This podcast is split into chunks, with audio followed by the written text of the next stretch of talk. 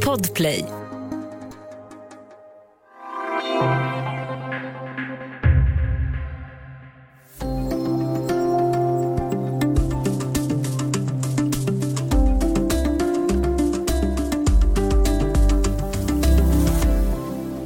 Debatten om kronvittnen har tagit ny fart. Det efter fallet där en 39-årig göteborgare dömts till livstidsfängelse utan straffrabatt trots att han i förhör har hjälpt polisen med uppgifter. Skulle ett kronvittnessystem fungera i Sverige? Välkommen till Studio DN med mig, Ylke Holago.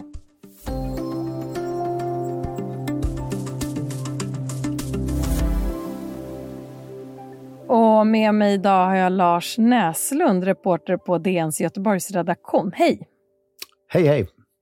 Till att börja med, vad är ett kronvittne?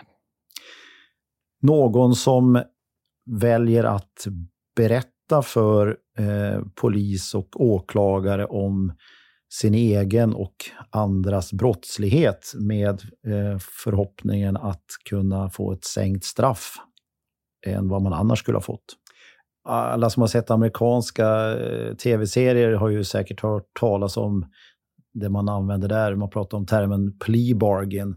Kronvittnen är väl en sorts eh, variant på det, fast det vi har pratat om i Sverige och som man använder i flera länder i Västeuropa är ju på en mer, vad ska jag säga, begränsad form av det amerikanska systemet där man helt enkelt ja, får en straffrabatt och hur fungerar rättssystemet i Sverige när det gäller kronvittnen?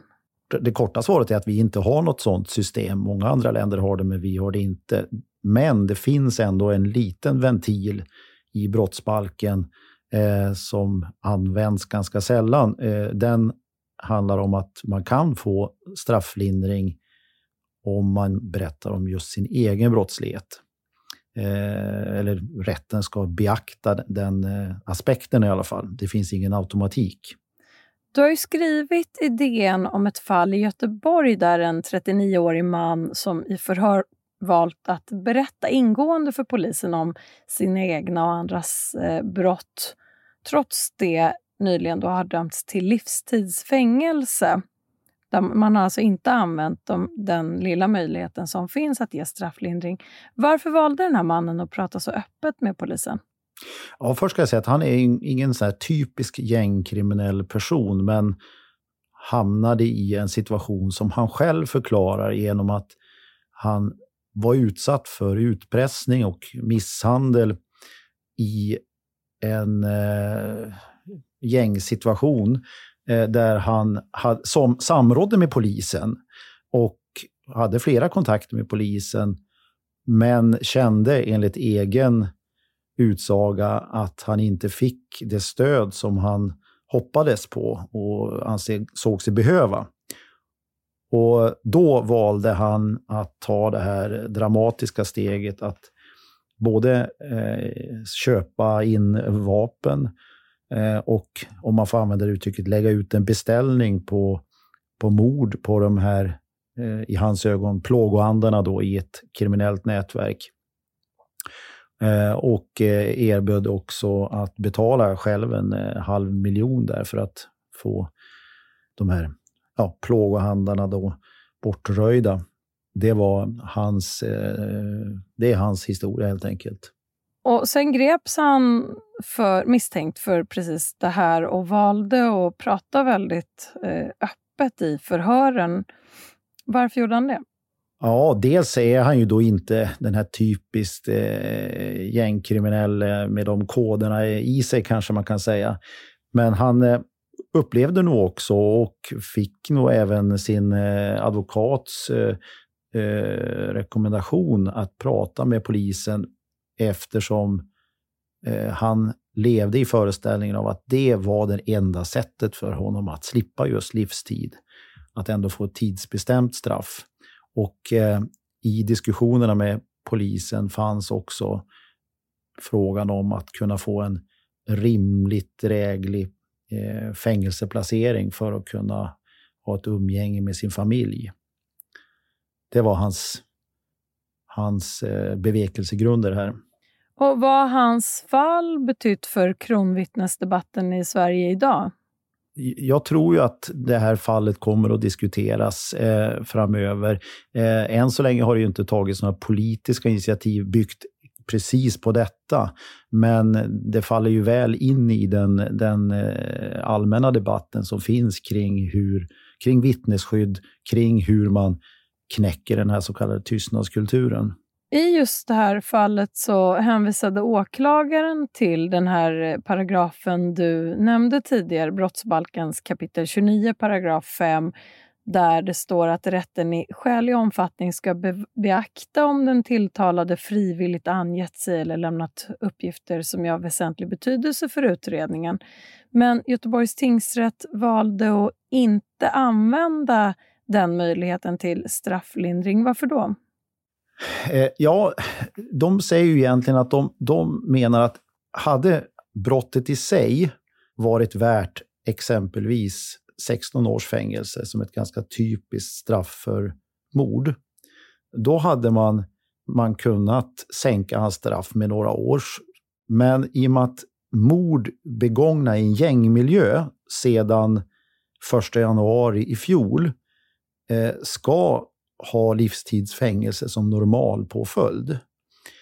Då menar rätten att livstidsfängelse är så väldigt mycket längre och ett hårdare straff, ett allvarligare brott jämfört med citat bara 18 års fängelse. Att hoppet från livstid till 18 år blir mycket längre än exempelvis hoppet från 18 till 16 års fängelse. Så man menar att man har redan tagit hänsyn till brottsbalken 29.5 men att det i sig inte räcker. Om, om detta låter begripligt. Det är den beskrivning jag har fått. 39-åringen är själv kritisk till det han har varit med om och menar i ett brev till DN att han fick intryck av att han skulle få strafflindring under sina förhör. Hur har hans version av händelseförloppet tagits emot av rättsväsendets olika distanser? Du skriver till exempel i dina artiklar om poliser som är kritiska och så vidare. Kan du berätta mer om det? Ja, jag vet att eh, det var nästan bestörtning bland de som jobbar med grova brott eh, i Göteborg hos polisen där, som man tog emot den här livstidsdomen. Eh, och även på åklagarsidan är man bekymrade. Man ser ju att vad, vad ska vi nu, med tanke på utfallet i den här domen, säga till andra potentiella personer som skulle kunna tjalla, kola? Att man känner att man nu är bakbunden. Så, så det är ingen tvekan om att det här skapade en sorts förstämning. Och eh, det är också så att det här fallet ska upp i hovrätten om några veckor. Och eh, även om den här mannen nu har, har vittnat i tingsrätten så tror jag att det finns en osäkerhet om hur, hur, över hur han kommer att agera då i, i hovrätten. Eh, man hade ju väldigt långa och många samtal med honom och eh, jag har ju pratat med hans eh, dåvarande advokat som också beskriver det som att hans eh, egen känsla var att okej, okay, jag kommer att slippa livstid i och med att jag har medverkat så, så eh, ambitiöst. Eh, det var den eh, starka känsla han hade. Vi ska ta en kort paus och sen prata vidare om kronvittnen.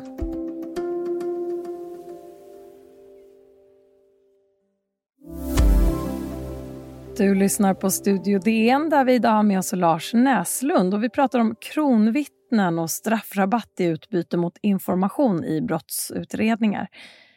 Lars, vad skulle det krävas för att Sverige skulle införa ett system där brottslingar kan få straffrabatt om de bidrar med information?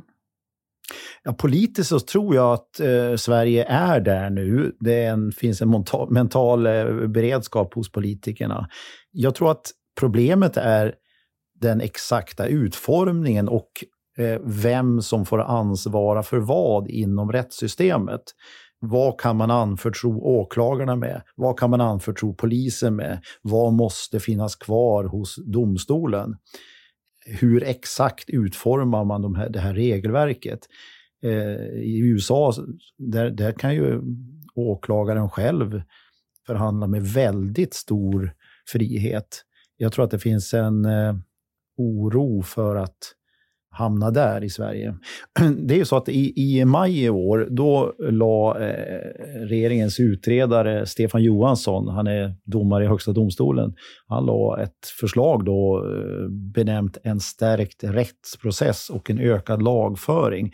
Och i det förslaget så pratar han om att brottsbalken 29.5 ska väl få tillägg där man skulle kunna få strafflindring även om man berättar om andras brottslighet, inte bara sin egen brottslighet. Så det är det förslag som nu närmast kommer att behandlas av, av, av regeringen. Och eh, då har man som vanligt eh, begärt in eh, ett antal remissvar. Så där befinner sig den processen just nu. Då. Du var ju inne på det här lite tidigare, men om vi skulle ta ett större grepp, vilket, vilken roll spelar just frågan om kronvittnen i debatten om brott och straff just nu? Alltså jag tror att, och det märktes även i en uppföljningstext eh, till det här reportaget, när jag pratade med eh, polischefer både i Göteborg och Stockholm. Och det är faktiskt så att här och nu så, så, så, lånar Stockholmspolisen faktiskt poliser från Göteborg för att hantera de senaste vågorna av skjutningar jag tror att man är väldigt angelägen om att just få verktyg för att bryta tystnadskulturen. Det, det, måste vara oerhört frustrerande att eh, sitta där med de här som säger inga kommentarer i hundratals frågor. Det här är ju ett system som har verkat nu på olika sätt i till exempel Norge och Danmark och andra västeuropeiska länder också. Och Eh, eh när man då tittar på erfarenheterna därifrån så är mitt intryck att, att svenska politiker känner att det motstånd som har funnits länge under ett par decenniers debatt nu kommer att vika undan. Ja, devisen golare har inga polare och andra liknande uttryck eh, är ju en stark norm i den här tystnadskulturen där man inte pratar med polisen eller skvallrar på andra. Hur kan kronvittnessystemet påverka den normen? Vad vet vi om det? Ja, det är naturligtvis en jättebra fråga. Eh, för att eh, en sak är ju om du kan erbjuda ett eh, påtagligt sänkt straff.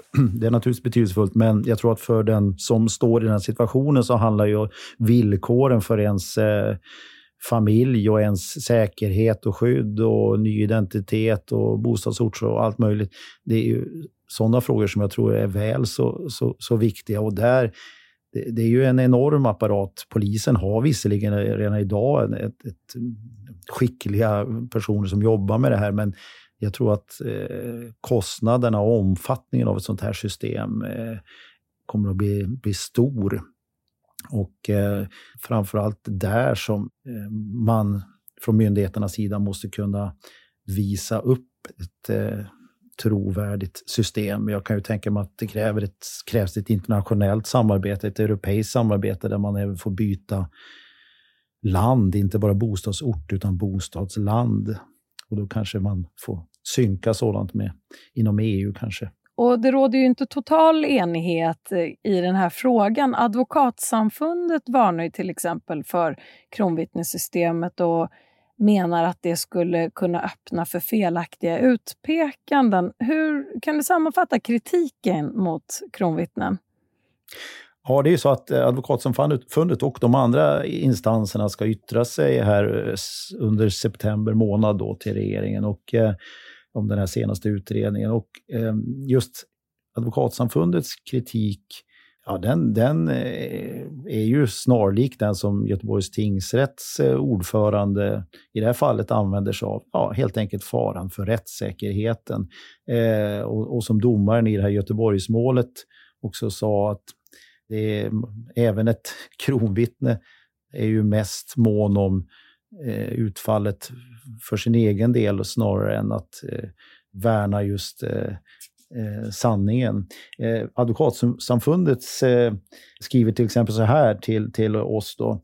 Eh, därtill finns risken att systemet missbrukas av kriminella på så sätt att starka individer försöker påverka svaga individer att skvallra på andra ett sådant eh, oönskat angiverisystem där staten i viss mån skulle avsäga sig ansvaret för brottsutredningarna skapar risk för falska eller felaktiga anklagelser.